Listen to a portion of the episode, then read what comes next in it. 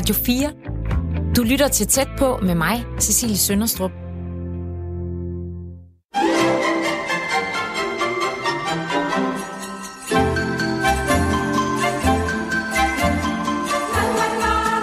I december og ikke mindst i disse juledage er der mange af os, der propper os med søde sager, fed mad, sodavand og alkohol. Jeg har engang læst, at man for at forbrænde det, vi indtager bare juleaften, skal gå ca. 4.000 gange rundt om juletræet. Så det er ikke så mærkeligt, hvis man føler sig en smule tung i kroppen i dag, juledag.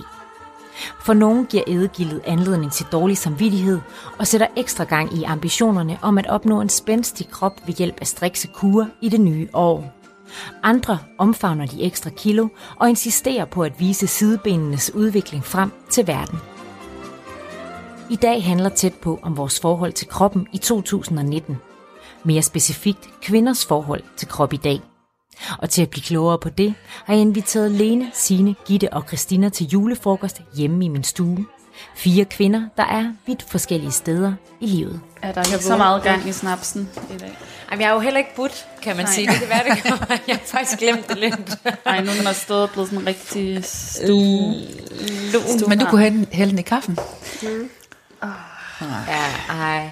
Jeg tager det lidt. Lene, må jeg låne noget kaffe? Her i december, der, øh, der er der mange af os, der er til julefrokoster eller andre former for julekomsamler. Og øh, der er jo typisk øh, dejlig mad, og hvis ikke store måltider, så i hvert fald en masse former for kager. Øh, og ofte er der jo også en del at drikke. Øh, alkohol, for eksempel. Altså personligt, så synes jeg, det er dejligt, og jeg nyder det. Men jeg kan også godt få det sådan lidt stramt i min krop med det. Både fordi jeg får tømmermænd, og, og også fordi jeg sådan godt kan se det på min krop. Jeg, jeg, tager, jeg tager lidt på i den her periode. Det kan jeg lige så godt sige. Øh, er det noget, I, øh, I kan genkende med juletiden? Ja, jeg synes godt, jeg kan mærke, at, øhm, at min krop går igennem noget i juledagene. Altså den der... Øh, altså man, det er også meget kombineret med, at det er nogle meget passive dage. Altså så spiser og spiser og spiser jeg, og ligger på sofaen. Så øh, jeg bliver da sådan lidt træt af min krop. Altså, jeg kan godt få det rigtig skidt af alt det der julemad. Altså sådan fysisk. Altså, jeg tænker nogle gange over, at jeg en dag bliver en af dem, der bliver indlagt juleaften. altså, og jeg tror også, det er det der med, at man er jo ikke vant til at spise i de mængder, og heller ikke, altså, det er jo også fed mad tit, ikke? Altså, ja, jeg kan virkelig godt blive skidt tilpas. Så fed mad, ja. det, det kan godt ramme dig hårdt. Ja, og så er det jo så også sådan, at jeg er jo også en af dem, der får gedine tømmermænd. Og det er jo, synes jeg, både tageligt for, øh, for min familie næste dag, men det er jo også virkelig uretfærdigt over for mig, synes jeg. Altså, for der findes jo folk, som bare kan rejse sig fra sengen næste morgen og have det helt fint. Og jeg tror, at vi drikker sikkert nogenlunde det samme, mig og dem, der bare kan rejse sig øh, for sengen, men jeg... jeg får... Altså for eksempel Lene, ja. som har været til julefrokost i går, ja, og som har det helt fint i jo, dag. Jo, men forrige gang, som ikke er så længe siden, til gengæld kan jeg ikke huske, hvornår det var, eller hvor, i hvilket sammenhæng. Eller hvad der skete. der fik jeg til Men hvordan er dine tømmer, så? Fordi mine, det er jo sådan nogle, der gerne var tre dage. Og den første dag er tit, hvor jeg bliver nødt til at ligge ude på badeværelsegulvet, fordi det er helt køligt og så med hovedet, altså sådan kinden trykket helt ned, og så ligge derude og sove. Det kan jeg godt huske fra den første gang, da jeg var 18 år, og jeg havde fået for meget snaps. Der kan jeg huske, at jeg havde det sådan. så se, det var færdigt. Men. Hvordan har I det egentlig med jeres krop sådan generelt? Ikke bare i julen, men sådan i det hele taget? Altså jeg synes, øh, jeg har egentlig som ung haft det godt med min krop, øh, jeg har, men jeg har også sådan prøvet at gøre noget for at, at have den krop, jeg gerne vil have. Jeg synes, det har været svært øh, de sidste åringer, hvor jeg er gået overgangsalderen og har taget på, hvor det kropsbillede, som jeg havde af mig selv som ung, øh, ikke er helt det samme som nu. Og det har jeg kæmpet lidt med, og prøvet alle mulige slangekurer, og det hjælper jo ikke, det ved vi jo godt. Øh, men nu har jeg faktisk prøvet at gå tilbage til den måde, som jeg egentlig var da jeg var ung, øh, hvor jeg simpelthen mærkede efter, hvad det var, jeg havde brug for af mad, og så spiste det. Øh, og det kan godt være lidt scary business i starten, fordi øh, der har man faktisk mest lyst til flødechokolade hele tiden, hvis man lytter efter sin krop. Men, men øh, jeg synes faktisk, øh, det her med at, at prøve at ture mærke efter, hvad det egentlig er, kroppen har brug for, øh, det virker rigtig godt. Øh, og det, jeg synes, der er lidt interessant med den måde, jeg har det med kroppen, det er, at øh, hvis jeg kigger på alle mulige andre mennesker, så synes jeg faktisk, at alle er, altså alle ser godt ud. Jeg har slet ikke noget problem med, om nogen er for tykke, eller for tynde, eller for høje, eller for lave. Og du har jo meget med krop at gøre, fordi du er Jeg er fysioterapeut. fysioterapeut. Jeg, jeg ja. tænker aldrig på de mennesker, jeg ser øh, i min klinik. Om, jeg vurderer dem aldrig. Sådan har jeg det overhovedet ikke. Men lige med mig selv, der er der lige et eller andet. Det ved jeg ikke, om I kender. Ja, fuldstændig. Fuldstændig. Og jeg havde sådan en sjov oplevelse øh, i foråret, hvor jeg skulle flytte. Og så skulle jeg pakke min lejlighed i Odense ned. Og, øh, og så kom jeg til at sidde og kigge på en masse gamle billeder, fordi jeg også samtidig skulle sortere lidt ud. Jeg skulle flytte til en mindre lejlighed. Og, øh, og så kiggede jeg på sådan nogle gamle billeder af mig selv fra gymnasietiden. Hvor jeg bare kan huske, at, øh, at jeg var så utilfreds med min krop. Altså jeg synes bare, jeg var alt for tyk, og alle andre var meget tyndere. Jeg synes slet ikke, jeg var flot, eller havde en pæn krop. Og når jeg så kigger på de billeder nu, så tænker jeg bare, hvorfor havde jeg det sådan? For jeg så mig selv og tænkte sådan, jeg havde da en fuldstændig fin krop. Altså den var hverken, den kunne jeg da godt være glad for, men det var jeg bare overhovedet ikke. Og det var så sjovt at se på sig selv, sådan nu øh, 15 år senere, og egentlig være sådan, jeg ærgerede mig over, at jeg brugte så meget energi på at være utilfreds med min krop, egentlig, fordi det var der ikke nogen grund til. Men hvad med nu for eksempel? Har, er du... Nu er det det, det, er det samme. så jeg er ikke blevet klogere. Min svigermor, hun siger faktisk noget klogt. Hun, øh, hun siger, når jeg kigger på billeder af mig selv i 40'erne, så synes jeg, jeg så mega godt ud. Når jeg ser på det nu, mm. dengang synes jeg, at jeg så forfærdelig ud, eller jeg var for tyk, eller et eller andet. Så hun har bestemt sig for, at øh, hun kan lige så godt nyde der, hvor hun er nu, for det bliver ikke bedre. Mm. Det bliver kun værre. Ja. Og det synes jeg faktisk er meget god pointe. Ja. ja. Meget realistisk. ja, og meget realistisk, ja.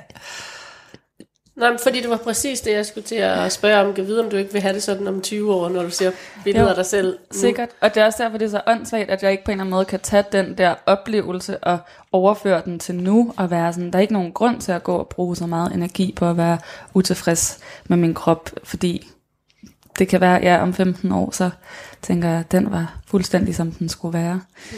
Så det kan jeg godt være lidt træt af, at jeg ikke kan lægge fra mig, egentlig. At det er bare totalt indgroet, sådan indlejret i mig, at være ikke rigtig tilfreds. Du lytter til Radio 4. Jeg har det meget sådan, at, at, at jeg har det med at fokusere på det negative. Altså en ting er sådan det hele billede, men også at når jeg står foran et spejl, så kigger jeg på alt det, som jeg synes kunne være bedre. Det er virkelig sjældent, jeg kigger på noget på min krop og siger, ej, det der, det ser bare vildt godt ud. Altså, nu ved jeg ikke, om I kan genkende det også, at man, man, man har en tendens til at fokusere på det negative, men hvad, hvad tror I, hvorfor tror I, det er sådan, at mange gør det? Altså, jeg synes det, synes, det er svært at have en mening om, det er noget, der øh, bor i vores natur. Så det vil jeg lade ligge. Øh, men jeg synes, det er meget tydeligt, hvad der sker i vores omgivelser, at øh, ikke fordi tendensen har været der hele tiden, men det er jo blevet meget, meget tydeligt de senere år, at det kun er udseendet, det kommer an på. At hvis man er kendt og ser flot ud, så har man alle kvaliteter, så er det så lige meget med, om man kan holde ud og tale med det vedkommende eller mig. Ikke? Øh, så udseendet betyder alt. Og så det tror jeg pokker, at det smitter af på folks selvopfattelse. Og når det så samtidig går øh, i hånd i hanke med en dårlig kost, så at man ser en helt ung generation af kvinder, som lægger an til fysisk sygdom allerede i 50-årsalderen. Og det gør de. Så er det, synes jeg nærmest lige meget, om de ser godt ud, om de ikke gør det. Hvis typisk ser de jo fantastiske ud i deres sulmende former. De er jo flotte. Altså hende der Ida fra fjernsynet er da en smuk kvinde. Men jeg ved bare, hvad hun får af problemer. Og hvem er hun lige? Ja, det, det er bare en udsendelse om nogle tykke piger i fjernsynet, som øh, ligesom prøver på at, at blive glade for deres krop. Så det du mener er, at, at de er overvægtige, og det kan give dem problemer, når de bliver ældre? At det gør det. Du siger ikke kan gøre. Det ved vi jo alle sammen, det gør. De bliver jo syge. Jeg har også set de udsendelser der. Det er nogle udsendelser, der er blevet sendt på DR, hvor der, hvor der er en, øh, en overvægtig kvinde, øh, man følger gennem nogle afsnit, hvor hun fortæller om det øh, at, være, at være overvægtig, og at hun ja, altså hun vil ligesom gerne, sådan som jeg husker det, slå et slag for, at det skal være okay, og øh, man skal være, som man har lyst til at være. Er det egentlig ikke okay? Jo, jo, hun har lyst til på det? det psykologiske plan er det okay. Men jeg synes ikke, det er okay, at samfundet accepterer en hel generation af, eller en tredjedel af de unge kvinder er overvægtige. Altså jeg ser kun det her ud fra et sundhedsperspektiv lige nu. Ikke? Mm. Ja. Men jeg kunne også godt blive nysgerrig på, om, om øh, fordi nu er du jo øh, ældre end mig, der er en ældre end mig, øh, om, om, om, om du stadigvæk i din alder tænker meget på, hvordan du ser ud. Ja, det gør jeg. Ja, ja. Jeg havde håbet, du havde sagt noget andet. Ja, det havde jeg faktisk også. Og hvorfor? Jamen fordi, øh, jeg, jeg ser jo og jeg hører om rigtig mange kvinder, mm. både på min alder og yngre, som, som simpelthen bruger så meget energi på, hvad de spiser. At det nærmest kører som sådan et øh, bånd ind i deres hoved ved siden ja. af alt det andet, de laver. Og det synes jeg jo også er, er forfærdeligt faktisk. At man skal bruge så meget tid på det, ikke også? Altså, og fordi energi. de er- Fordi de er bange for at blive for tykke, eller de er på kur, eller et eller andet, ikke også? Ja. Øhm, det synes jeg virkelig også er ah, spild af energi, ikke også? Tror I, det her det er noget, der er mest gør sig gældende blandt kvinder?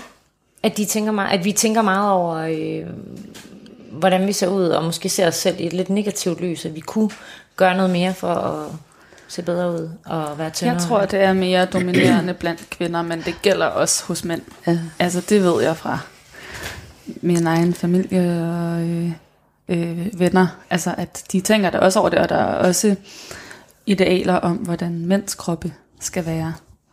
Så, så jeg tror, det, det fylder både hos mænd og kvinder. Men, ja, men jeg tror, at man mere hos kvinder. Det tror jeg, det er helt klart. Hvor, hvorfor tror I, det er sådan? Jamen, jeg tror nogle gange, det faktisk også handler, at det er noget samfundsmæssigt, at vi øh, som kvinder øh, sådan helt tilbage er noget værd, indtil vi ikke kan få børn mere. Og så, øh, når du bliver ældre, så kan man sige, at mænd, som i hvert fald har magt, de kan godt stadigvæk have en stor betydning i samfundet og blive hørt og set.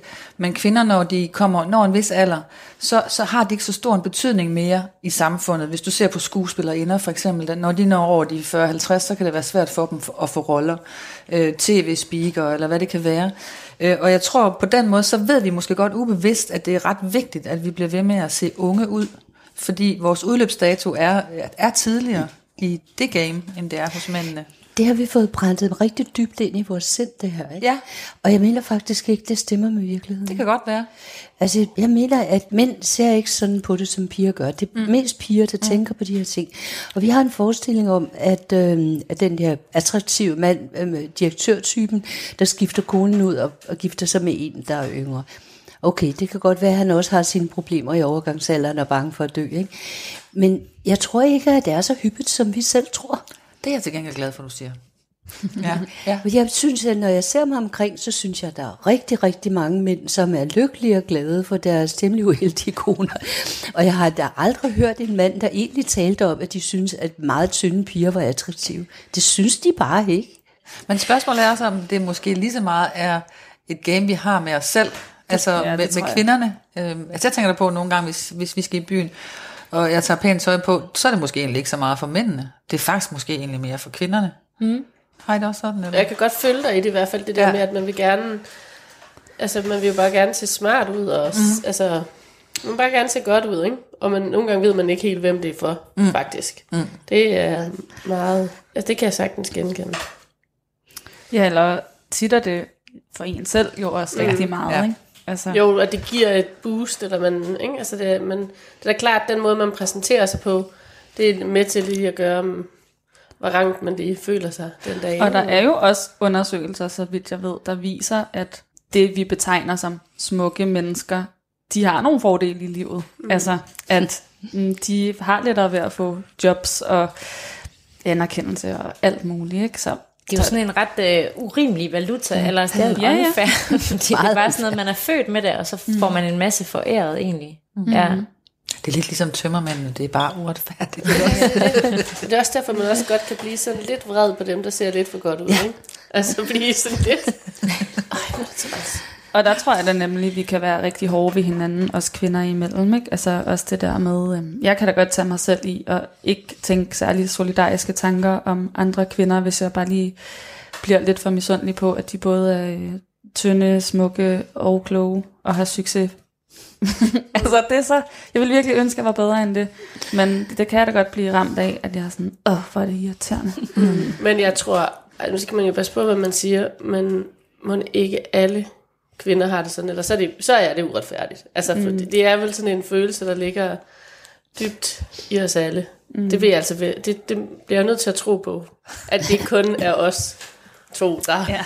så der er bare virkelig dårlige mennesker. Der er virkelig dårlige mennesker. Jeg tænker ja. faktisk rigtig meget over det med min egen, nu har jeg to piger, og selvom de ikke er så gamle endnu, så er det jo noget, jeg tænker rigtig meget over, øh, hvad det er, altså hvordan jeg taler om andre kvinder, hvordan jeg taler om min egen krop, hvordan, altså hvad, det, hvad jeg ligesom giver videre til dem. Ikke? Mm. Øhm, og i min datter på 6 er allerede altså, virkelig, virkelig optaget af, hvordan hun ser ud.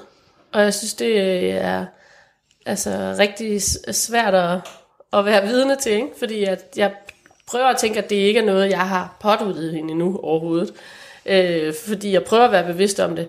Men jeg synes, det er vildt, at man kun er 6 år gammel, og så går så meget op i, hvad man har på, og hvad andre tænker, og og hun endda, der var en dag, hvor hun sagde til mig, at øh, hun synes, at øh, hun havde en mærkelig mave, fordi den sådan bulede sådan ud. Ikke? Altså, og jeg tænkte, jeg skulle virkelig lige tælle til 10, og så tænke over et rigtig godt svar der. Ikke? Mm. Hvad sagde for, du så til Kan du huske det? Øh, jamen, øh, at jeg sagde til hende, at hun så lige præcis sådan ud, som man skulle. Altså, jeg prøvede, prøvede faktisk bare at begynde at snakke om noget andet øh, ret hurtigt, for jeg var faktisk lidt nervøs for, at jeg bare ville køre ud i ja, en eller anden tangent, jeg, hvor jeg ikke kunne komme tilbage igen. Fordi hvis jeg bare lige havde sagt, hvad jeg havde tænkt lige der, ikke, så havde jeg jo kommet til nærmest at skælde hende ud. Tror jeg, det ville have gjort nogen øh, forskel for os, hvis vores mødre eller andre øh, sådan ældre kvinder i vores omgangskreds havde snakket anderledes om deres egen krop? Rigtig meget, og, og, og jeg synes, det er så interessant, at du er bevidst om det der, og mega godt, fordi jeg kan da selv pege på mange situationer, hvor, hvor jeg tænker, at min mor har påvirket mit forhold til min krop, og det ved jeg, at mine veninder også har det på samme måde. Altså sådan, og for eksempel i teenageårene, hvor man er så øh, øh, skrøbelig omkring sin krop og selvtillid og alt det der. Mm, der kan jeg huske, at min veninde fortalte, at så havde hendes mor på et tidspunkt sagt, at øh, et eller andet med, at det var ikke så pænt, når min veninde havde øh, bukser på, for så fik hun sådan lidt store lov eller et eller andet. Og det har bare virkelig, og måske sagde hun det ikke helt så hårdt, det kan jeg ikke lige huske, men sådan, det er i hvert, i hvert fald noget, der har sat sig virkelig dybt hos min veninde. Eller også var det et eller andet med, at det var ikke så pænt, at hun havde nederdel på, for så fik hun lidt korte ben, eller noget af den der dur, som bare har betydet, at min veninde nærmest indtil nu har undgået at gå med det stykke tøj, fordi det har sat sig så dybt i hende noget, som hendes mor har sagt, da hun var teenager. Ikke? Og det kan jeg godt genkende, at min mor har også altid været sådan meget på slankekur, og altså, der var altid meget sådan, restriktioner, og min mor kunne altid lige tabe sig 5 kilo, og jeg kunne altid lige tabe mig et par kilo også. Så det var sådan meget sådan en ja, fejlfinder kultur omkring kroppen. Ikke? Og det tror jeg virkelig sætter sig. Ligesom du også snakket om, Cecilie, altså det der med kun at fokusere på det negative ved ens krop. Ikke? Men det er meget interessant at se, hvad der kommer til at ske med, med dine døtre, Christina, øh, når øh, du er så ops på det. Og ligesom se, om, om de får, potentielt får det anderledes. Ja, og spørgsmålet er også, om jeg husker at blive ved med at være ops på det, ikke? Fordi, fordi det er så indgroet i en, ja. at man måske står og kigger lidt øh, mærkeligt på sig. På ja, det kan jo sagtens være, at hun har opfattet nogle ting allerede, hvor jeg tænker, at jeg ikke har udstrålet det, som jeg prøver at holde nede. Altså, jeg synes, det er skægt, hvor, hvor bevidst man, man bliver om alle mulige ting, selvfølgelig, når man får børn, og hvad man gerne vil give dem videre. Men jeg synes lige præcis den her ting omkring det her med at lære at elske sig selv for den, man er, det, det tror jeg bliver helt klart en af de største udfordringer i, øh, i at give videre til mine børn. Altså. Du lytter til Tæt på med mig, Cecilie Sønderstrup. Er der egentlig noget, det ved jeg selvfølgelig ikke, om jeg har lyst til at dele, men jeg synes egentlig, det kunne være ret interessant at høre, sådan, hvad, hvad, hvad I sådan godt kunne tænke, jeg var anderledes ved jeres krop. Jeg ved slet ikke, hvor jeg skal begynde. Altså, jeg kunne da godt tænke mig at have en lang lige næse, et hår, der ikke blev hvidt for tidligt, og lange, smalle ben, og ikke øh, sådan en, en dellet numse og sådan noget. Det, sådan har det været, fra jeg var 14. Havde du hvidt hår som 14? Ej, det er faktisk ikke nogen vidighed. Jeg fandt de første hvide hår, der var 14-15 år. Nå. det var tidligt. Ja, ja, det var det. Er der nogen, der skal have lidt rødvin? Jeg var meget mørkhåret. Jo, tak. Ja, nu det her emne, det tror jeg. Kan du noget vin? Skal du Der er have en, ved? der er en Nej, flaske jeg tager med. rødvin her. Mm. det er fint, jeg må ikke. Skål for appelsin. Hovedårene. Skål. Ja.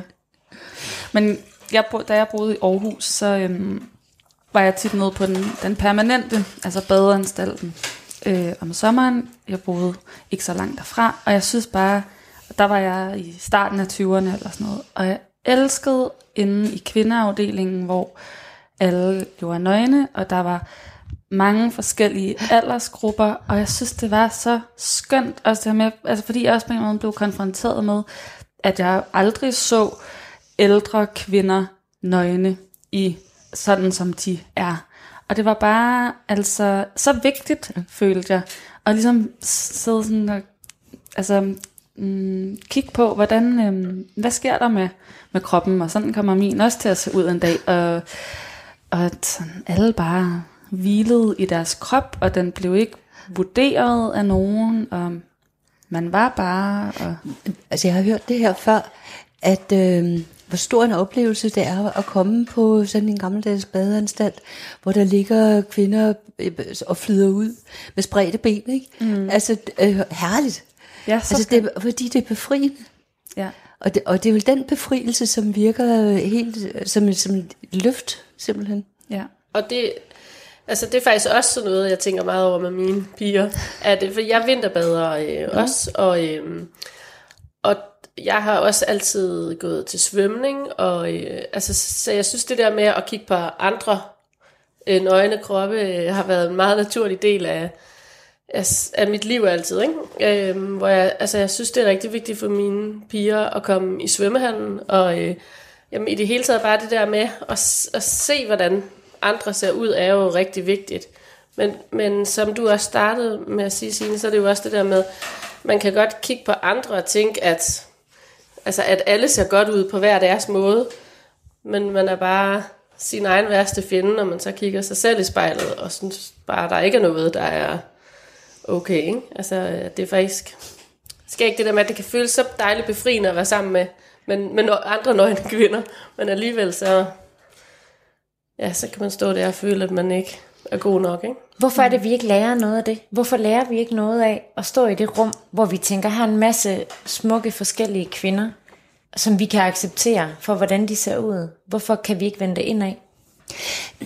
Altså det, på en eller anden måde hænger det sammen med vores kønsopdragelse, at vi fokuserer så meget på, hvordan vi ser ud, for at øh, kunne i sådan en helt banal betydning skaffe os en flot mand, der tjener gode penge. Ikke? Øh, og jeg, jeg ved ikke, hvorfor det er sådan. Og jeg ved ikke, hvilke kulturer, der har det anderledes i virkeligheden. Men tror ikke også, det er fordi, man ser jo alting ud fra en selv. Øh, Så resten af verden kan jo godt være på en eller anden måde, men, men en selv er jo noget andet. Tror ikke det? At altså, så man vil gerne selv lige se lidt bedre ud, eller lige være lidt dygtigere, for det er jo der udgangspunktet er, det er jo ens mm. selv. Eller Ja, hvad? så, så det der med også på alle mulige andre måder, at vi stiller højere krav Ja, til os selv ja. end til andre. Ikke, ikke kun med udseende, men også i forhold til... Jamen, hvorfor er udseendet det primære? Altså, det kunne være at løbe hurtigt, eller være god til at regne. Altså, det kunne være mange ting. Mm.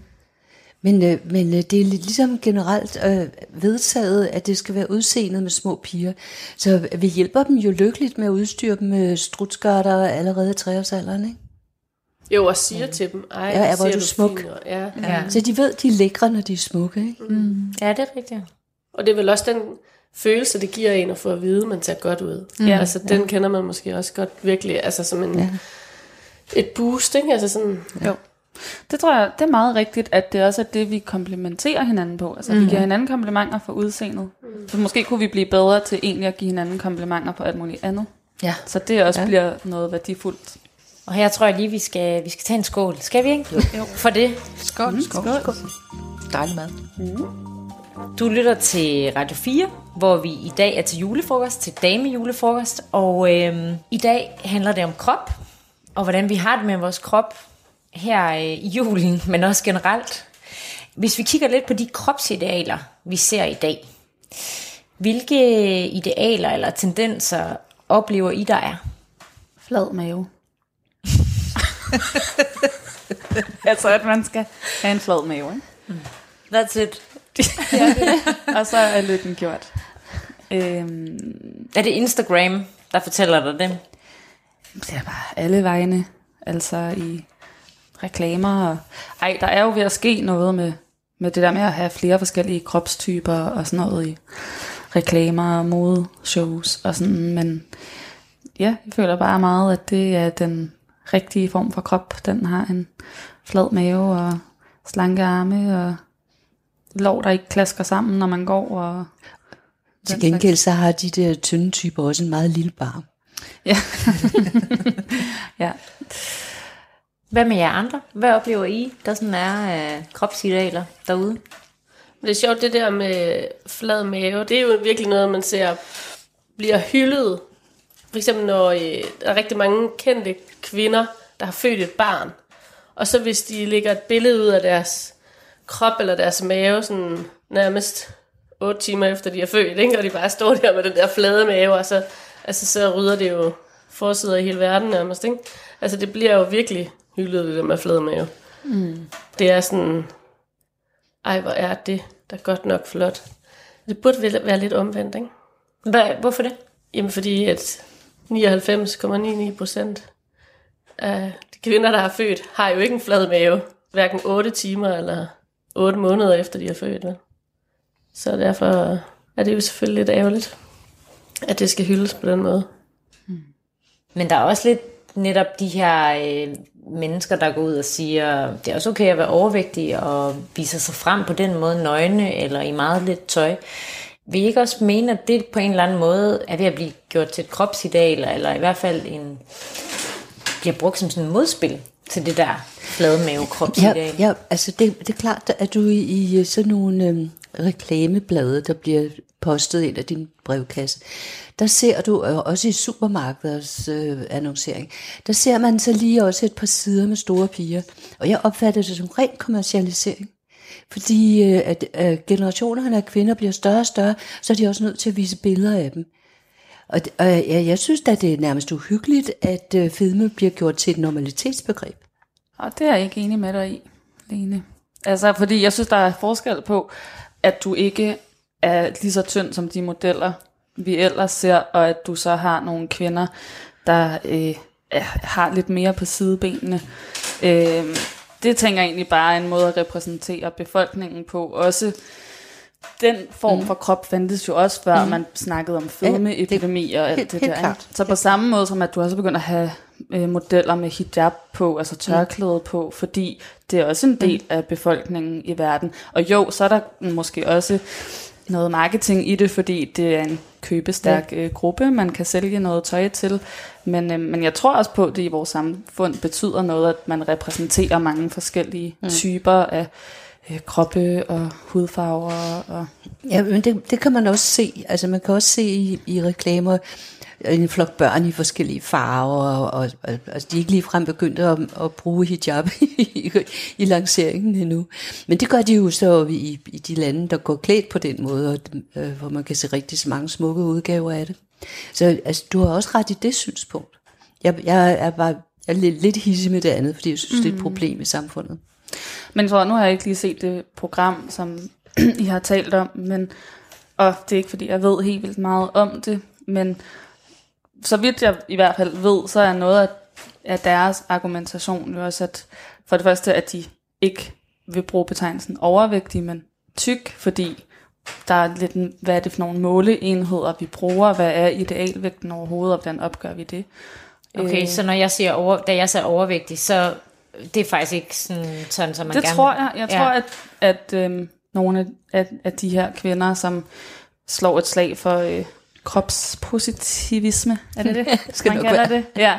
Øh, at de selv vil bruge ordet, at de er tykke. Ikke? Mm. Øh, og at noget af det, de også argumenterer for, er, at du ikke nødvendigvis er usund, bare fordi du er tyk. Jamen, der lyver de. og det er jo så, det er jo, man kan sige, det er også et område, hvor jeg synes, det er mega svært at navigere i selv, fordi der er så mange forskellige mm. sundhedstrends også, ikke? og det skifter jo hele tiden mellem, så skulle man spise stenalderkost, og så skulle man, hvad, nu er der alt muligt keto, og jeg ved ikke hvad, altså det er jo en jungle det der med, og så, og så passer det ikke med BMI-tal, det er åbenbart heller ikke rigtigt øh, at opgøre det på den måde. Altså, jeg synes at det er rigtig svært at blive øh, klog på. Jeg følger heller ikke noget af det, så Men jeg tror også, at, at hvis du, altså, hvis du er overvægtig, og det er, du har svært ved at tabe dig og ikke kan komme af med de kilo, du har for meget, så synes jeg da også, at øh, det er vigtigt at så, slå et slag for, at man også har ret til at være lykkelig og ret til at have ja. Ja. et godt liv, og at det ikke skal stå i vejen for alle mulige ting, bare fordi man ikke lige ser ud som idealet. Selvfølgelig. Ja, og at du også har øh, ret til at gå på gaden, uden at der er nogen, der råber fede svin eller ja, noget efter dig. ikke? præcis. Som, Ja, fordi jeg synes jo faktisk, det er, at, at, at, at nogen tillader sig det, synes jeg faktisk er vildt, ikke? Jo, helt Ja. ja. vildt. Radio 4 taler med Danmark. Nu snakkede vi lige om, øh, om øh, tykke eller overvægtige personer, men hvis vi vender lidt tilbage til de her øh, flade maver, øh, er det, bliver I påvirket af, af de idealer i forhold til jeres egen krop? Ja. Ja. Altså, jeg vil sige, når vi nu snakker om idealer, så vil jeg jo sige, at hvis du spørger mig, hvad mit ideal er, så er det jo ung. Og det er jo, det er jo typ, altså det er hvor vi er i livet, ikke også? Øh, og ja, altså jeg synes, jeg synes ikke, øh, det er så svært nu, hvor jeg er nået over de 50, men jeg synes faktisk, det var rigtig, rigtig svært sidst i 40'erne, fordi øh, jeg stadigvæk troede, jeg skulle blive ved med at se ud som en ung. Men når, ja, når så er du over 50, så ved du jo godt, så er du i middelalderen, ikke? Øhm, selvfølgelig på den måde bliver man påvirket af det, men det er måske nemmere, når det er alderen, fordi jeg kan jo ikke blive ung igen, vel? Men I bliver også påvirket af det.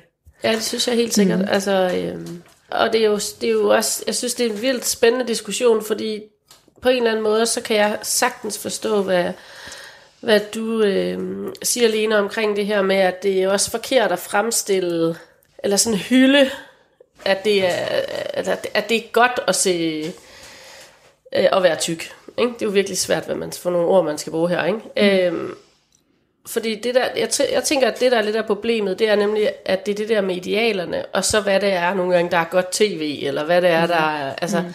for i bund og grund vil det jo være bedst, hvis idealerne var at vise, hvordan gennemsnittet så ud. Men det kommer jo tit hurtigt til at handle om, hvad der er interessant tv, eller hvad der kan skabe den gode debat, eller... Og det er jo faktisk rigtig ærgerligt, fordi så, så kommer det ikke længere til at handle om, hvad, hvad er faktisk bare det normale. Altså, Øhm, så vidt jeg ved, så har der sådan til alle tider været former for kropsidealer, men de har jo, alt altså de har jo udviklet sig. Øh, tidligere har det at være, at være tyk eller overvægtig, det har været et ideal, fordi det, så viste man, at man havde råd til at spise, og det var ligesom noget, man gerne ville. Det, det var ikke givet, at man havde det. Jeg kommer til at tænke på, om I tror, at vi sådan som art har brug for at have kropsidealer. Altså noget, vi sådan kan stræbe efter på en eller anden måde. Det har vi måske, eller også har vi bare selv skabt det behov ved altid at lave nogle idealer. Jeg ved ikke, hvad der kom først. Men man har jo gjort det altid ved at af, altså afbillede mennesker, enten i skulpturer eller malerier eller et eller andet. Og det er nok svært ikke at blive påvirket af, tænker jeg. Men er det måske også noget biologi, ligesom i andre dyrearter, hvor man for at finde en mage skal gøre sig lækker eller fine fjer eller et eller andet, at det måske også er i os som dyreart, at vi skal prøve at gøre os til for hinanden? hvis vi sådan skulle gå helt øh, ned på øh, øh, sådan naturbasis, så det er der i hvert fald, det er noget, jeg har hørt ret ofte, det er, at så, så vil man sige, at en kvinde med brede hofter og store bryster, hun er frodig, og hun kan levere børn, fordi hun har brede hofter, eller hvad ved jeg, men noget i den stil. Øh, og så nu, nu er det de flade maver, øh, som måske strider lidt imod det der naturkoncept, så der er jo også på en eller anden måde noget kulturelt i, hvad det er, der, der gør, at vi, altså hvad, hvad det er, vi stiler efter. Men kan det måske være, fordi kvinderollen jo også har ændret sig rigtig meget i de sidste 50 år fra at være, øh, fra en kvinde skulle føde børn og være hjemme og passe børnene, så mere kommet ind på arbejdsmarkedet og skulle kunne ligesom følge trit med, med mændene, og også kunne fremstå som, øh, som et magtmenneske, eller hvad skal man sige, et, et menneske, som kan, kan, kan følge en karriere, om det kan også handle om det. Fordi det, ja, det kommer mere i baggrund, det her med at være mor og kvinde. Øh. Hvad tænker I? Jeg, jeg, jeg tror, at du har meget ret langt hen ad vejen. At det er det, det mandlige øh, skønhedsideal, der smitter af på den frisindede kvinde, eller den ligeberettigede kvinde. Øh, men det behøver jo ikke være sådan, fordi vi har jo set andre typer, som havde magt, og altså Gro, Gro har vi Brundtland, og øh, Angela Merkel er udmærket sig jo ikke ved at være øh, mannequin-modeller, vel? Mm. Ja, men, altså jeg kunne da for eksempel aldrig finde på at tage noget nedringet på på mit arbejde. Nej. Altså, det er jeg meget bevidst om. Ja. I forhold til, hvad jeg så tror, nogen vil tænke, jeg signalerer. Mm. Ja, jeg går sådan ret... Øhm, ej, ikke konservativt klædt, men jeg vil bare aldrig tage noget lovkort eller mm. noget nedringet på på mit arbejde. Det er sjovt, der, der har det faktisk lidt omvendt, ikke at jeg går fuldstændig nedringet og kort, men, men, men jeg har faktisk sådan, at øh, jeg, jeg forbeholder mig ret til at tage det tøj på, jeg vil, øh, og øh, hvis folk vurderer mig ud fra det, så er det, så, er det, så er det deres sag på en eller anden måde. Sådan har jeg det faktisk. Og jeg synes også bare, at man skal gøre ja, det. Ja, men, men ja, ja, fordi jeg har faktisk haft den diskussion nogle gange, ikke også, øh, med, med folk, og jeg synes egentlig, jeg kan godt forstå det, fordi rent faktisk, så bliver du måske behandlet anderledes, hvis du tager nedringet på. Men hvis nu det er det, jeg har lyst til, Mm. ikke også? Fordi det er jo egentlig faktisk også lidt køns, øh, Ja. øh, hvad hedder det, trykkende. Jeg har ret store bryster, og jeg synes nærmest, altså jeg tror selvom jeg tog en burka på, så, så, ville, så ville nogen stadig kigge på dem. Altså. Det ville, det, det ville de jeg skulle synes ville være fantastisk, for hvad skal de ellers vurdere deres koner på? Men det er jo faktisk det, der er meget smukt, synes jeg, ved, øhm, ved burkerne, eller det, at I- jeg synes jo faktisk, det er rigtig, rigtig sm- en smuk tanke med, at man, når man er hjemme i de private rammer, så er det der, man er lækker. Så der, man tager øh, burkaen af, og det er der, man viser sig som den, man er. Ikke? Og så, altså, jeg må da indrømme, nogle gange, når jeg kommer hjem, så er det der, jeg ligesom smider det pæne jeg og hopper i joggingbukserne, og så flader lidt ud. Altså, det kunne da godt lære lidt af, af mange muslimske kvinder, tænker jeg. Mm. At, øh, at de ligesom gør sig mere til over for deres mænd. Jeg tænker da, det vil min mand, der sikkert også blive meget glad for, hvis jeg gjorde. Det synes jeg faktisk er meget fint. Jeg kommer bare lige til at tænke på, at øh, ja. Ja, og det er jo måske det, vi gør også med, med det her med, med vores idealer med flade mave, det er, at vi gør os til udadtil, Udadtil, ja. ikke? men ikke så meget indadtil. ja. Så den der konkurrence, der måske er uden for vores øh, hoveddør, den betyder mere, mm. enten, end at det er inde. i- Og det gør det, fordi jeg har sejlet på øh, skoleskibet Danmark, og der havde vi jo uniformer på. Øh, altså ikke sådan de øh, store paradeuniformer til hverdag, men hverdagstøjet var jo bare sådan et par arbejde, blå arbejdsbukser og en mørkeblå t-shirt. Det havde alle på. Og jeg elsker egentlig tøj og tage flot tøj på og sminke og store smykker og sådan. Men jeg synes også, der var noget virkelig befriende dengang i, at man bare stod op, og du havde ligesom en valgmulighed. Det var de her bukser og den t-shirt. Tænk, det er sådan, mange mænd har det, ikke? Jo, jo, men det betød jo også, at vi alle sammen så ens ud. Og så kom der et tidspunkt, altså efter vi havde sejlet, øh, så var vi på sådan en skole i Frederikshavn, og der kunne man have sit eget tøj på. Og det, det betød noget. Det er ikke sådan, at, øh, fordi jeg er for, at vi skal have skoleuniformer og den slags, men jeg synes, det var meget tankevækkende at opleve, at der skete noget i relationerne. Fordi så pludselig så begyndte folk jo at udtrykke noget personlighed i deres tøjvalg. Og så pludselig så var der nogle af drengene, der synes, at jeg var en hippie, fordi jeg havde det tøj på, jeg havde. ikke. Det blev også en, et noget, man kunne sådan, mm, der, der kunne skabe afstand faktisk. Og det havde jeg aldrig oplevet før, egentlig. Rigtig spændende. Det her. Ja. Så tøjet betyder jo også meget ja. i den måde, vi, mm. vi fremstiller os selv på. Og der er meget identitetsmarkør i det mm. også, ikke? Du lytter til Radio 4. Vi sidder her øh, fem kvinder, fem forskellige aldre, plus minus. Hvornår har I oplevet, at jeres øh, krop har forandret sig mest? Er det så et, øh, en opfattelse indad til, eller, eller bare formen? Det er helt op til, til dig. Fordi det, der gjorde mest indtryk på mig, det var vel i at for sig min første fødsel. Øh, fordi jeg oplevede, altså det, det var altså som rigtig mange førstegangsfødsler, så trak den ud i et døgns tid. Og man, man synes jo, at der er ikke nogen fremdrift i det her, man er rigtig dårlig til også til at føde. Men, men barnet kom jo ud, og, øh, og, og den voldsomme følelse ved det var jo, synes jeg for mig selv, at min krop faktisk fungerede. Og at, øh, at der var nogle dele af mig, som ellers øh, ligesom på en måde havde været hemmelige, som øh, lå i, i fuld beskuelse, og som fungerede, og som var nødvendige. Og, og det synes jeg var en, en opfattelse, altså jeg, fik en anden opfattelse af min egen krops funktion. Altså helt klart vil jeg også sige, øh, at det med at få et barn, eller to, det øh, er jo med til virkelig at ændre ved ens krop på mange måder, og man får også en anden opfattelse af sin krop og sådan noget. Men, men jeg synes faktisk noget, at, at det som, jeg, altså, hvor min krop virkelig ændrede sig, var jo også dengang, jeg kom i puberteten. Fordi, øhm, altså, ligesom du sagde før, Signe med dine bryster, ikke? så oplevede jeg jo at gå for sådan, jeg havde sådan en lille drengekrop, altså, og så var det som om, at over en nat, så havde jeg bare vokset en e-skål, ikke? så på en eller anden måde, det var bare så voldsomt. Og så det der med også at få øh, sin menstruation, altså alle de der ting, der, der skete, det synes jeg var fuldstændig vanvittigt, og jeg selvfølgelig talte der med min mor om det, og mine veninder, og vi havde, jeg havde også øh, seksuel undervisning i skolen, og alle de der ting, men, men jeg synes, det var rigtig, rigtig skræmmende faktisk, alt det, der skete i den tid der. Ja, jeg husker også den tid ret tydeligt.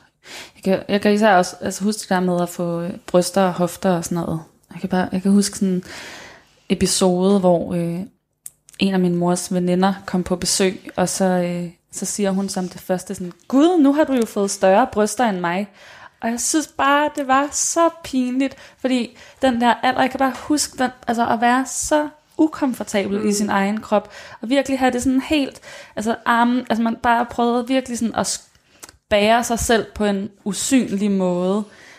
Og så sagde hun det der, som bare, altså, ja, ej, det er også det er det værste, man kan sige til en teenager. Nærmest. Det kan jeg i hvert fald huske, at jeg bare havde lyst til at grave mig ned i et ja. hul der, fordi jeg, jeg kunne slet ikke overskue at blive konfronteret af andre med, at min krop, den havde udviklet sig. I virkeligheden var jeg bare misundelig. Ja, ja, det tænker jeg også. Ja. ja, men det tænkte man virkelig ikke dengang. Nej. Altså, og også, at lige pludselig, at der var, altså, en ting var drenge, der kiggede på ens krop, men også mænd. Mm-hmm. Altså, øh, ikke at, øh, altså, men, men jeg, jeg, jeg kan bare huske det der med, at jeg havde også lyst til at, at gemme mine bryster langt væk, og det kunne bare overhovedet ikke lade sig gøre. og jeg kan stadigvæk have den følelse i ja. dag, altså, at øh, jeg kan virkelig godt sætte mig ind i også, hvad du sagde før, Signe, det der med, at ja, altså slet ikke at være nedringet på arbejdet, eller der, vil, der er mange tidspunkter, hvor jeg nærmest sådan står og holder hen over mine bryster, hvis jeg står... Men der tror jeg også, der er lidt forskel på, om man har store bryster eller ej, fordi at, øh, jeg havde det jo helt omvendt. Altså jeg var jo sådan, jeg ville jo virkelig gerne vise mine bryster, for jeg havde ikke særlig, og har ikke særlig store bryster, så det var bare sådan, hvad kan jeg gøre her, for at få det til at ligne, at jeg er lidt større, ikke? Og der kan jeg nemlig huske min rigtig gode veninde, hun havde nemlig store bryster, og hun havde det. Det var præcis det samme, som I beskriver der. Altså, hun gjorde alt, hvad hun kunne for at skjule, og jeg var så misundelig. Jeg var bare sådan, du har bare fået bryster, som du kan flashe, og det kan jeg ikke.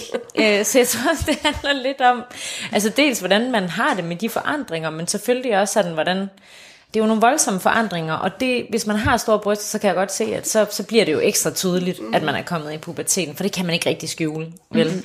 Og jeg tror, jeg har nogle gange haft selv øh, selv også sådan i min mere voksne år, altså kunne have følelsen af, at det er brysterne, der bærer mig, og ikke omvendt, altså fordi de sådan bare er i øjefaldene, og på en eller anden måde gør, at jeg rigtig tit bliver konfronteret med mit køn og min krop, fordi det er noget, nogen åbenbart ikke kan lade være med at kigge på, eller eller røre ved. Eller røre ved, uden at de er blevet inviteret til det. Ikke?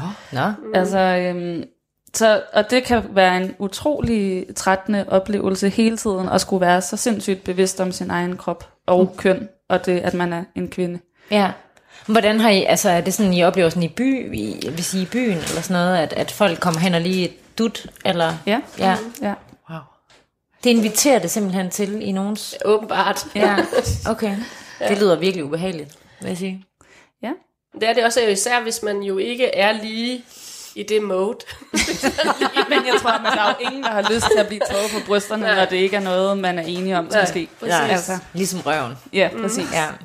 Hvad med dig, Gitte, egentlig? Øh, Jamen, jeg oplever ikke det samme i, i pubertet, men jeg tror måske også, jeg er mere som dig, Cecilie, at jeg havde bare ønsket, at der var lidt mere bryst, ikke? Der var lige lidt mere. Øhm.